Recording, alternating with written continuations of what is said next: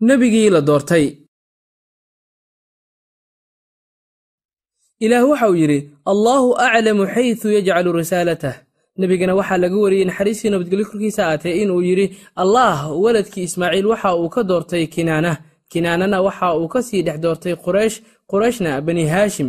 Bani haashimna dhexdooda waxa uu ka doortay aniga ayuu yidhi sala allahu calayhi wasalem waxay ahayd biyaha zamzam kuwo lagu keediyo qaar ka mid ah khasnadaha kacbada oo waxaa dugay ceelkii reer jurhum kolkii ay la wareegeen awoodda magaalada barakaysan ee maka waxa ay u muuqatay in zamzamkii uu u baaba'ay dagaalkii beelaha jurhum iyo qusaaca u dhexeeyey ee ku salaysnaa cidda xukumaysa magaalada maka reer bani haashim xilligaasi waxa ay ahaayeen kuwo la daalaadhaca biyo yari oo waxa ay ka soo aroori jireen ceelal ku yaalla hareeraha fog ee magaalada. Xilliyada xajkana ayay ugu darneyd oo waxaa laga sugayey in ay biyo siiyaan xujayda oo safarkii la daalaadhacaya sababtoo ah reer haashim ayaa ka mas'uul ahaa biyosiinta xujayda iyo maamulidda beytul catiiqa. Taasina waxa ay ka mid ahayd shaqooyinkii ugu muhiimsanaa ee laga qabanayay magaalada barakaysan ee maka xilliyada xajka cabdulmutalib aad ayuu ugu dhibtooday arrinta biyosiinta xujayda sababtoo ah ma uusan lahayn wax carruur ah xaaris mooye. Wuxuu riyo ku arkay ayadoo loo tilmaamayo oo lagu amrayo in uu dib u nooleeyo oo uu soo qodo ceelkii biyaha zamzam ee dugmay waana ay ku soo laalaabatay riyadaasi marar fara badan. Laakiin markii ugu dambaysay ayaa si rasmi ah loogu tilmaamay halka uu ceelka ku yaallo iyo meeshaasi magaceeda waxaana uu istaagay cabdulmutalib fulinta arrinkaasi oo waxa uu qoday ceelkii zamzam ilaa ugu dambayntii uu gaaray halkii ay biyaha ka soo burqanayeen ee ceelkaasi zamzam. Quraysh ayaa ku qabsatay ceelkii cabdulmutalib waxaana markii dambe la go'aansaday in loo gardhigto nin faaliye ah waa ay aadeen xaggiisa waxaana ka go'ay biyihii ay cabayeen ayagoo dhul saxro ah ku sii socda oo waxa ay ku dhowaadeen in ay u geeriyoodaan dhammaantood haraadka daran awgii. Laakiin waxaa il biyo ah ay ka baqday halkii ay fadhiday hashii cabdulmutalib halkaas ayna ka biyo cabeen oo ay ku caddaatay xujadii cabdulmutalib iyo in ceelka uu isaga iska lahaa waana ay u daayeen waxa uu dareemay in ay dadku yaraysanayaan waxaana uu allaah nadar kula galay in haddii uu siiyo toban wiil uu mid ka mida ku goorici doono kacbada asigoo qurbaan uga dhigaya. Ilaah subxaanahu watacaalana waxa uu siiyey tobankii wiil waxa uu u qoratuuray tobankii wiil qoratuurkiina waxaa ku soo baxay cabdulaahi oo ahaa wiilka ugu jecel yahay wiilashii cabdulmutalib uu dhalay waxa uu dhahay cabdulmutalib ilaahu asiga iyo boqol halaad oo geel ah. Kadibna waxa uu bilaabay inuu u qoray tuuro wiilkiisii iyo boqolkii halaad. Geelii ayayna ku dhacday qorituurkii oo uu qalay mana jirin. Qof ka hor istaagay arrinkaasi ama ka celiyey. Cabdulaahi bin cabdulmutalib waxa uu guursaday aamina bintu wahab bin cabdulmanaaf bin zuhra bin kilaab. Waxay ahayd gabadh ugu quruxda badan quraysh nasab ahaan. Aabbaheedna waxa uu ahaa suldaankii reer zuhra reer zuhrana waxa ay qayb ka ahaayeen beelweynta quraysh. Cabdulmutalibna waxa uu ahaa mid guursaday haala bintu wahiib. Haala bintu wahiib ayaana adeer u ahaa aamina waxa ayna ku soo barbaartay gurigii uu degganaa waxa uu ahaa guurkaasi guur ay quraysh oo dhan ku faraxday oo cabdulaahi bin cabdulmutalib waxa uu guursaday gabadhii ugu sharafka badneed beesha quraysh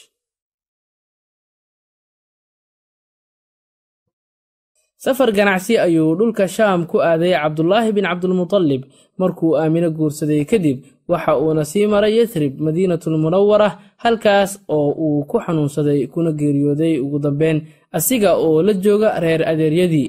Xilligaasna waxay ahayd inta uusan dhalanin nebiga naxariis iyo nabadgelyo korkiisa ahaatee oo hooyadii aamine ayaa uurkiisii lahayd. Waxa uu ku dhashay nebiga sala allahu caleyhi wasallam magaalada maka reer bani haashim dhexdooda maalin isniin ah labiyo tobankii rabiicul awal oo ku beegneyd bilowgii sannadkii la odhan jiray caamulfiil sannadkii maroodiga shan boqol iyo toddobaatankii miidaatiyada abtirsiinyadii nebiga. Moxamed bin cabdulaahi bin cabdulmutalib bin haashim bin cabdulmanaaf bin qusay bin kilaab bin murah bin kacab bin lu'ay bin khaalib bin fahr bin malik bin nadiir bin kinaana bin khusaymah bin mudrikah bin ilyaas bin mudir bin nusaar bin macad bin cadnaan sidaas ayuuna nasabka nebiga ku galaa cadnaan ilaa nebi ismaaciil bin ibraahim calayhim asalaam markii ay dhashay aamina nebiga calayhi salaatu wasalaam waxa ay fariin u dirtay awowgii cabdulmutalib. Durbadiina waa uu u yimaaday oo uu xambaaray cunugii yaraa kacbada ayuuna la galay asiga oo allaah baryaya keligii intaa in kadibna waxa uu bilaabay maxamed in uu bixiyo. Magacaasi waxa uu ahaa mid ku cusub dadkii carab oo dhan waa ay la yaabeen magaca loo bixiyey nebiga calayhi salaam. Waxa uuna sidoo kale leeyahay nebiga calayhi salaatu wasalaam magacyo kale oo ka badan magaca moxamed calayhi salaatu wasalaam ee uu bixiyey awowgii nebiga cabdulmutalib bin haashim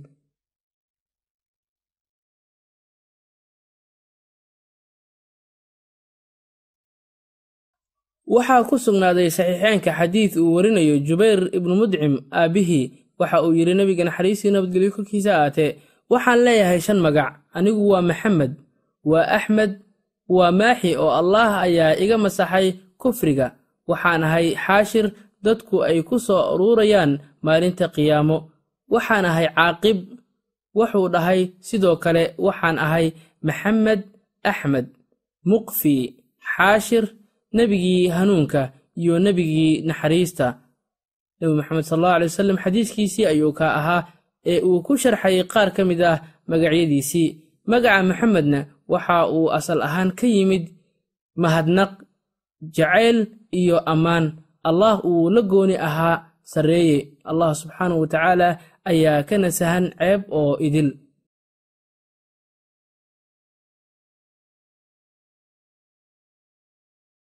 dhalashadii nebiga naxariis iyo nabadgelyo korkiisa ha ahaatee kadib waxaa maalmo kooban nuujisay thuweyba oo jaariyad u ahayd nebiga adeerkii abulahab waxa ayna xilligaasi la nuujisay cabdulaahi bin cabdul ashud al maqsuumi caanihii wiilkeeda masruux.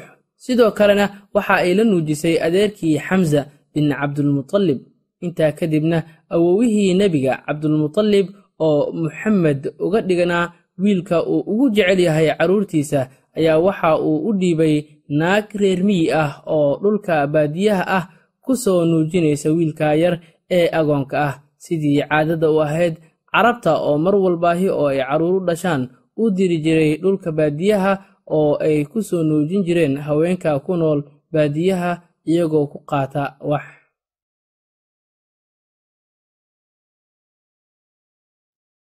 carabtu waxay ahaayeen kuwo door bida in baadiyaha lagu soo nuujiyo carruurta marka ay dhashaan maadaama baadiyuhu lahaa faa'iidooyin fara badan oo aanay oolin magaalada sida in uu qofku soo barto cod fasiix ah xoogga jirka oo siyaada caafimaad qab iyo isku dheelatirnaan waxaa ka yimid dhanka qabiilka la yidhaahdo sacad bin bakar bin hawaasin dumar wax nuujiya wuxuuna qabiilkaasi caan ku ahaa nuujinta iyo cod fasiixa waxaa liibaantay xaliimatu sacdiya oo heshay sharafkii nuujinta nebigii alleh. Ayadu waa gabadhii ibnu abu du'ayb iyo xaaskii xaaris bin cabdulcuz waxa uuna lahaa carruur walaal la noqday nebiga naxariistii nabadgelyo korkiisa aatee dhanka nuujinta kuwaas oo kale ahaa cabdulaahi aniisa iyo xudaafat al shaymaa intaasi oo nuujinta kula walaaloobay nebiga calayhi salaam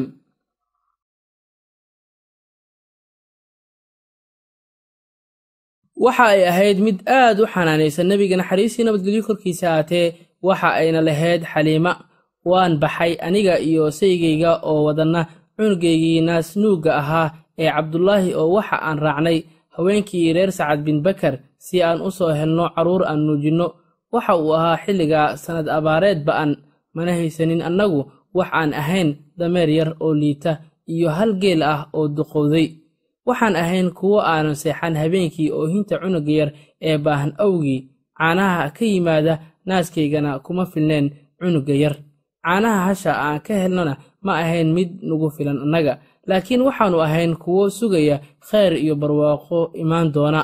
Waxaana sidaa ku gaarnay magaaladii maka ahayd ee aan u soconnay. Waxaa la soo bandhigay dhammaan haweenkii nala socday cunugii yaraa ee agoonka ahaa nebi moxamed laakiin ma ayan qaadan kulligood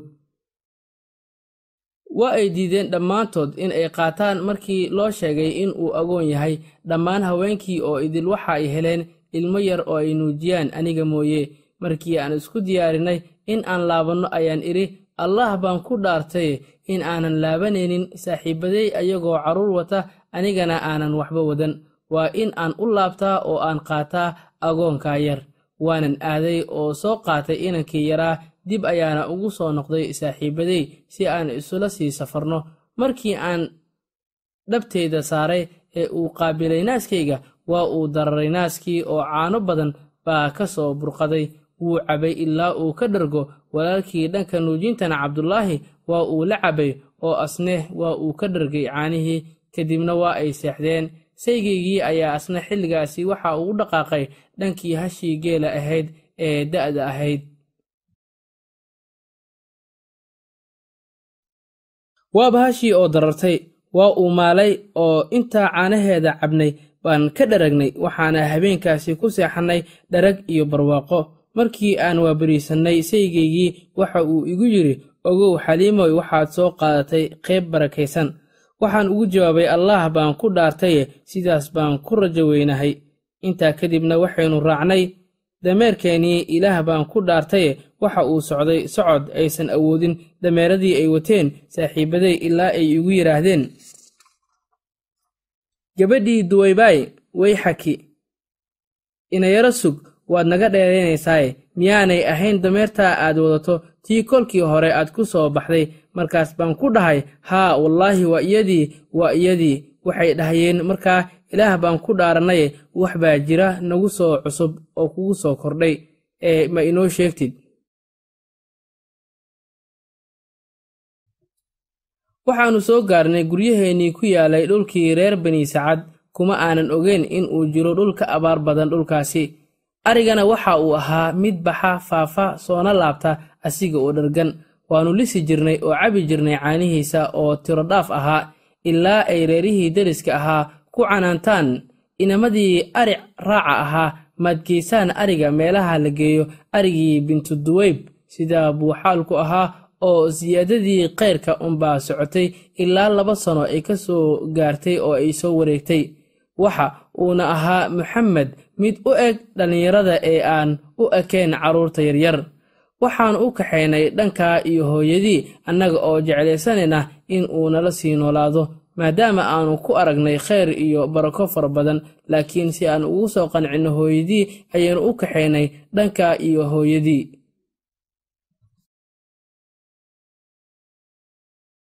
Waxaannu la hadalnay hooyadii oo waxaan ku nidhi haddii aad inoo oggolaan lahayd wiilkayaga in uu ila sii noolaado ilaa uu ka xoogaysto way fiicnaan lahayd.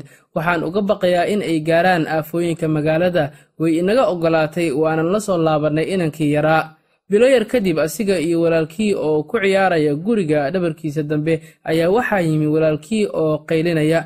Waxa uuna nagu yidhi aniga iyo aabbihii walaalkii qureysheed waxaa qabsaday laba nin oo dhar cadcadowtay waa ay jiifiyeen oo laabtiisa ayay kala jeexeen waan baxnay ayay tiri xalimo sacdiya aniga iyo saygayga oo xaggiisa ayaan u dhaqaaqnay waxaana aragnay asigii oo taagan oo fajac uu ka muuqdo wejigiisa.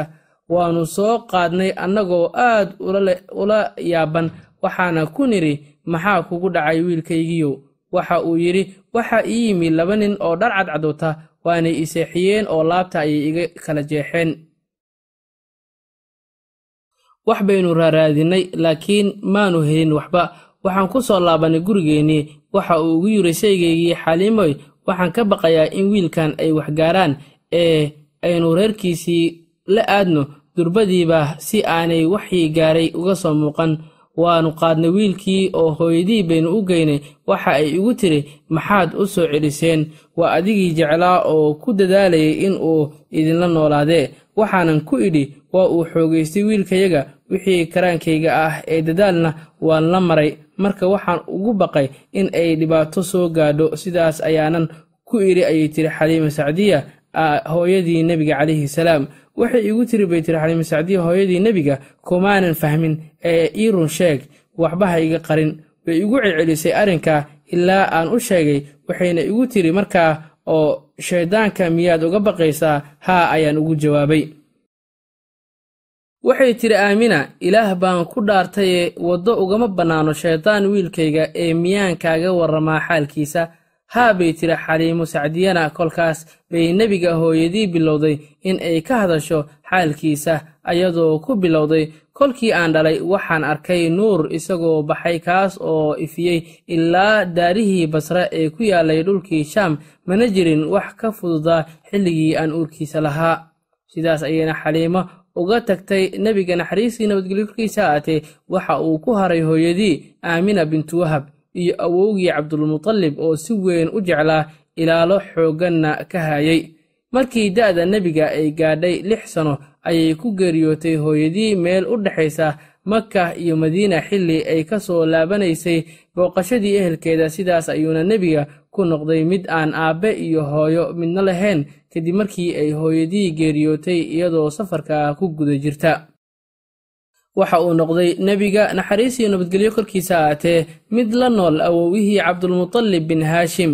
Awowuhu waxa uu firaashkiisa dhigan jiray harka kacbada dhammaan carruurtiisana waxa ay ahaayeen kuwo fadhiista hareeraha firaashka oo ma jirin cunug yar oo ku dhiiran karay in uu fadhiisto firaashka awowe weyneyn iyo qadarin ay u hayeen awgeed. Nebiguna waxa uu ahaa mid yar oo dul fadhiista firaashkaasi. Adeeradii ayaana ka xambaari jiray halka oo waxa ay soo yara daahin jireen nebiga markaasi si aan u fadhiisan cabdulmutalib oo ahaa awowihii nebiga ayaa waxa uu arkay dhowr jeer iyaga oo ka celcelinaya oo markaasi ka daahinaya firaashka inuu fadhiisto kadibna waxa uu u sheegay in ay sii daayaan oo uu firaashkiisa fadhiisan karo. Xilligaasi nebiga da'diisu waxay ahayd siddeed jir.